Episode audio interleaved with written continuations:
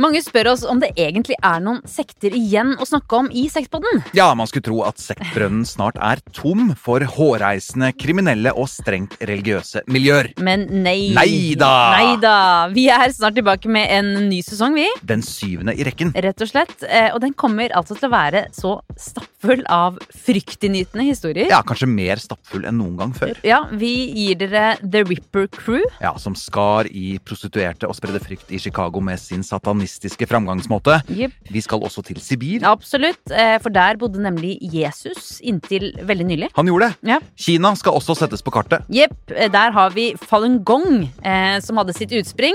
Og den tidligere fredselskende sekten har nå blitt en viktig del av den ytre høyrefløyen i USA. Ja, Vi møter hulemennesker i Russland, en rapper med egen bong laget av kvarts. Og vi skal ha en egen Messias-spesial. Ja, Så på spørsmålet om sektbrønnen er tom, Er svaret nei. følg oss på Podme. Sesong 7 starter 2. mars. Fram til det Vadim Pace, vi høres!